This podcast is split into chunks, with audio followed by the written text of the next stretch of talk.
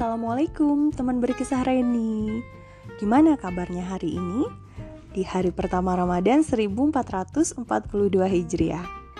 Alhamdulillah ya, marhaban ya Ramadan. Alhamdulillah kita semuanya masih diberikan kesehatan Masih diberikan umur Masih diberikan kesempatan oleh Allah Subhanahu Wa Bisa kembali bertemu dengan Ramadan Yang mudah-mudahan insya Allah bisa menjadi Ramadan yang lebih baik dari Ramadan-Ramadan kita sebelumnya. Amin. Gimana teman berkisah Reni? Ada cerita seru apa dalam rangka persiapan menyambut Ramadan kemarin atau di hari pertama Ramadan kali ini?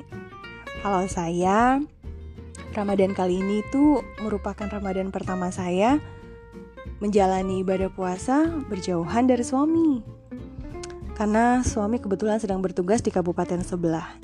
Ya, walaupun masih terhitung cukup dekat sih dari Pontianak, kurang lebih dua jam perjalanan aja. Tapi tetap aja, suami cuma bisa pulang saat weekend. Tapi alhamdulillahnya, saat sahur pertama hari ini, suami masih punya kesempatan untuk bisa sahur bersama kami. Yeay, alhamdulillah. Seneng banget itu anak-anak karena kemarin sempet agak-agak melo ya terutama Fikar. Dia udah ngebayangin uh, gimana nanti? Puasanya nggak ada ayah. Tapi ternyata surprise ayah masih bisa sahur bersama kami. Selain tentang menjadi pengalaman berpuasa pertama jauh dari suami Ramadan kali ini juga semacam apa ya punya tantangan tersendiri buat saya karena dengan tidak adanya suami yang biasa menggantikan saya menemani Fikar. Karena Fikar ini um, apa ya punya kebiasaan kayak bayi. Kalau bangun tidur itu masih harus ada ayah atau bunda mendampingi dia nemenin dia beberapa saat. Sampai dia bilang oke okay, Fikar udah bangun. Baru deh semuanya bo boleh hmm, belibet. Semuanya boleh beranjak dari tempat tidur kebayang kan kalau dia bangun terus ngajakin saya yang lagi sibuk di dapur nyiapin hidangan sahur buat baring lagi terus saya kebablasan tidur hmm kacau dah.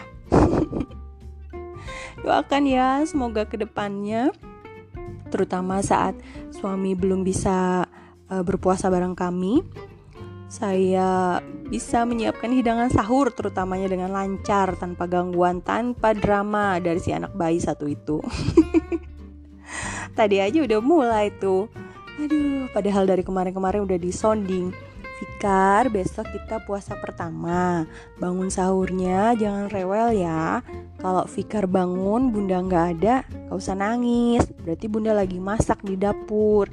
Jawabannya iya bunda, iya tapi prakteknya tetep ada drama. Bunda, bunda, temenin Fikar sebentar bobo.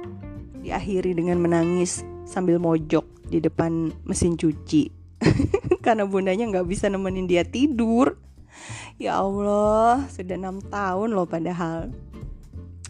Oh iya teman-teman, uh, kalau teman-teman apa punya kebiasaan menyiapkan menu sahur dan menu berbuka selama satu bulan penuh selama bulan Ramadan atau punya kebiasaan menyiapkan stok lauk pauk siap masak juga untuk keperluan sedep, uh, satu bulan ke depan.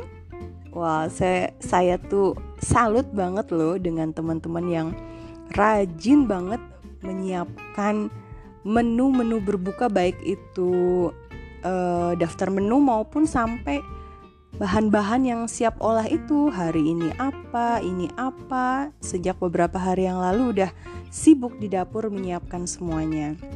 Salut banget. Kalau saya ya gitu deh. Masih banyak malesnya. Walaupun ada sih sedikit-sedikit disiapin. Ya layaknya hari-hari biasa aja. Karena kebetulan di luar bulan Ramadan pun saya udah punya kebiasaan uh, berbelanja untuk beberapa hari ke depan gitu. Cuman belum sampai sedetail teman-teman lain yang sampai menyiapkan menu kemudian menyiapkan bumbu menyiapkan ini itu. Wow kalian keren. Kalau semuanya diniatkan untuk memudahkan ibadah puasa kita, memudahkan urusan-urusan domestik supaya arahnya bisa membantu kita, memudahkan kita untuk bisa memaksimalkan ibadah kita, insya Allah itu juga uh, sudah terhitung sebagai ibadah ya, karena diniatkan untuk benar-benar berusaha memaksimalkan ibadah di bulan puasa ini. Saya jadi teringat kebetulan beberapa hari yang lalu mendengar tausiah dari Ustadz uh, dalam rangka menyambut bulan Ramadan. Beliau mengingatkan boleh-boleh saja kita mempersiapkan uh, stok bahan makanan untuk memudahkan kita saat sahur ataupun berbuka. Tapi jangan lupa selain mempersiapkan hal-hal yang bersifat keduniawian itu, kita juga harus mempersiapkan diri kita mempersiapkan dalam arti kita harus merencanakan satu bulan di bulan Ramadan ini target ibadah kita itu apa saja. Karena ada tiga amalan yang harus sekali kita prioritaskan selama bulan Ramadan ini.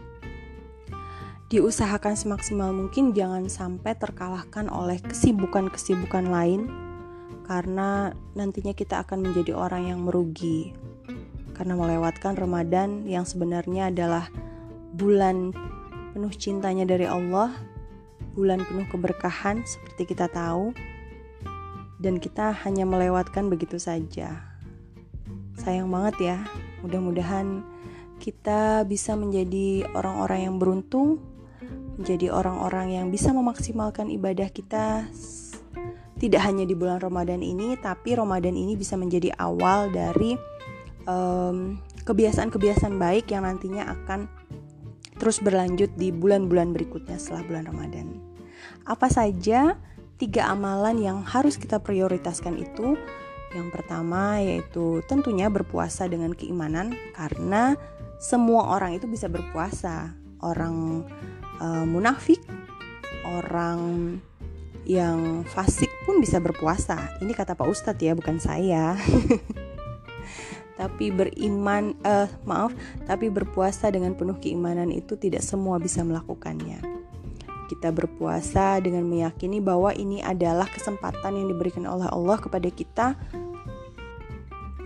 untuk sebanyak-banyaknya menjemput tanda cinta dari Allah. Di mana Allah telah menjanjikan surga, pintu surga khusus bagi orang-orang yang berpuasa. Kemudian Allah juga memberikan banyak ampunan. Allah juga sudah menjanjikan mengabulkan doa di bulan Ramadan ini bagi orang-orang yang memang benar-benar meminta kepada Allah. Kemudian amalan yang kedua adalah qiyamulail atau sholat malam. Sholat malam di sini bukan berarti sholat tarawih ya, tapi sholat tahajud. Kenapa sholat tahajud itu menjadi salah satu amalan yang penting untuk kita prioritaskan? Karena untuk bisa bangun, sholat tahajud itu kan perlu effort ya, perlu effort yang cukup besar, terutama di bulan puasa di mana kita uh, sahur sudah bangun lebih awal, kemudian siangnya kita berpuasa, malamnya kita lanjutkan dengan sholat tarawih yang lumayan cukup menguras tenaga juga sih ya, terutama uh, dengan rakaat-rakaat yang banyak itu kemudian dilanjutkan lagi dengan harus bangun sholat tahajud. Nah di situlah keistimewaannya karena kata Pak Ustadz um, cinta kasih itu berbanding lurus dengan kesetiaan dan kesetiaan itu berbanding lurus dengan pengorbanan bisa dibilang usaha kita, perjuangan kita untuk bangun melaksanakan sholat tahajud itu adalah perjuangan yang merupakan tanda cinta kita kepada Allah. Pada saat eh, waktu-waktu sholat tahajud itu Allah telah memerintahkan kepada malaikat untuk turun mendengarkan mengabulkan apa pun permintaan hambanya untuk disampaikan kepada Allah dan nantinya Allah insya Allah akan mengabulkan semua permohonan itu. Amalan yang ketiga, membaca Quran. membaca Quran ini harus kita um, rencanakan sedemikian rupa kita targetkan sebulan kita mau hatam berapa kali. Jadi kita juga harus membaginya sehari harus membaca berapa lembar gitu untuk target kita tercapai. Karena dengan membaca Al-Quran ditambah lagi dengan kita mentadaburi isinya memaknai uh, artinya itu sama dengan kita berusaha berkomunikasi dengan Allah, memahami kalimat-kalimat Allah yang disampaikan kepada kita karena isi dari Al-Qur'an itu adalah perkataan-perkataan Allah yang diturunkan langsung. Kurang lebihnya seperti itu ya teman-teman. Semoga tidak ada uh, apa hal-hal yang salah dalam penyampaian ini dari apa yang saya dengar dari tausiah saat itu. Intinya sih begitu. Mudah-mudahan kita semuanya diberikan kemudahan untuk bisa melaksanakan, memaksimalkan terutama tiga amalan ini dan menjadikannya prioritas di dalam ibadah-ibadah yang kita lakukan di bulan Ramadan. Amin. Karena mungkin memulai itu bisa dibilang cukup mudah ya, tapi yang sulit itu kan menjaganya supaya tetap istiqomah. Semangat teman-teman, ini saya juga menyemangati diri sendiri. Mudah-mudahan tidak apa sih istilahnya panas-panas tai ayam gitu ya hanya semangat di awal terus kendor kendor kendor gitu yuk kita semangat semangat Sepertinya itu saja yang bisa saya sampaikan ke teman-teman hari ini yang saya bisa bagikan ke teman berkisah Reni dari apa yang saya dengar terkait menyambut Ramadan. Stay healthy, tetap semangat teman-teman. Bagi teman-teman yang menjalankan ibadah tarawih di masjid secara berjamaah, tetap jaga protokol kesehatan ya, jangan kendor. Semangat semuanya, semoga ibadah kita di bulan Ramadan ini senantiasa diberikan kemudahan dan kelancaran sampai nanti kita bertemu dengan Idul Fitri. Semoga kita mendapatkan keberkahan dari bulan Ramadan, mendapatkan limpahan rahmat dan kasih sayang Allah dan tentunya setelah bulan Ramadan ini kita bisa menjadi orang yang semakin baik ke depannya. Amin ya rabbal alamin. Selamat berpuasa teman berkisah Reni semuanya. Assalamualaikum warahmatullahi wabarakatuh.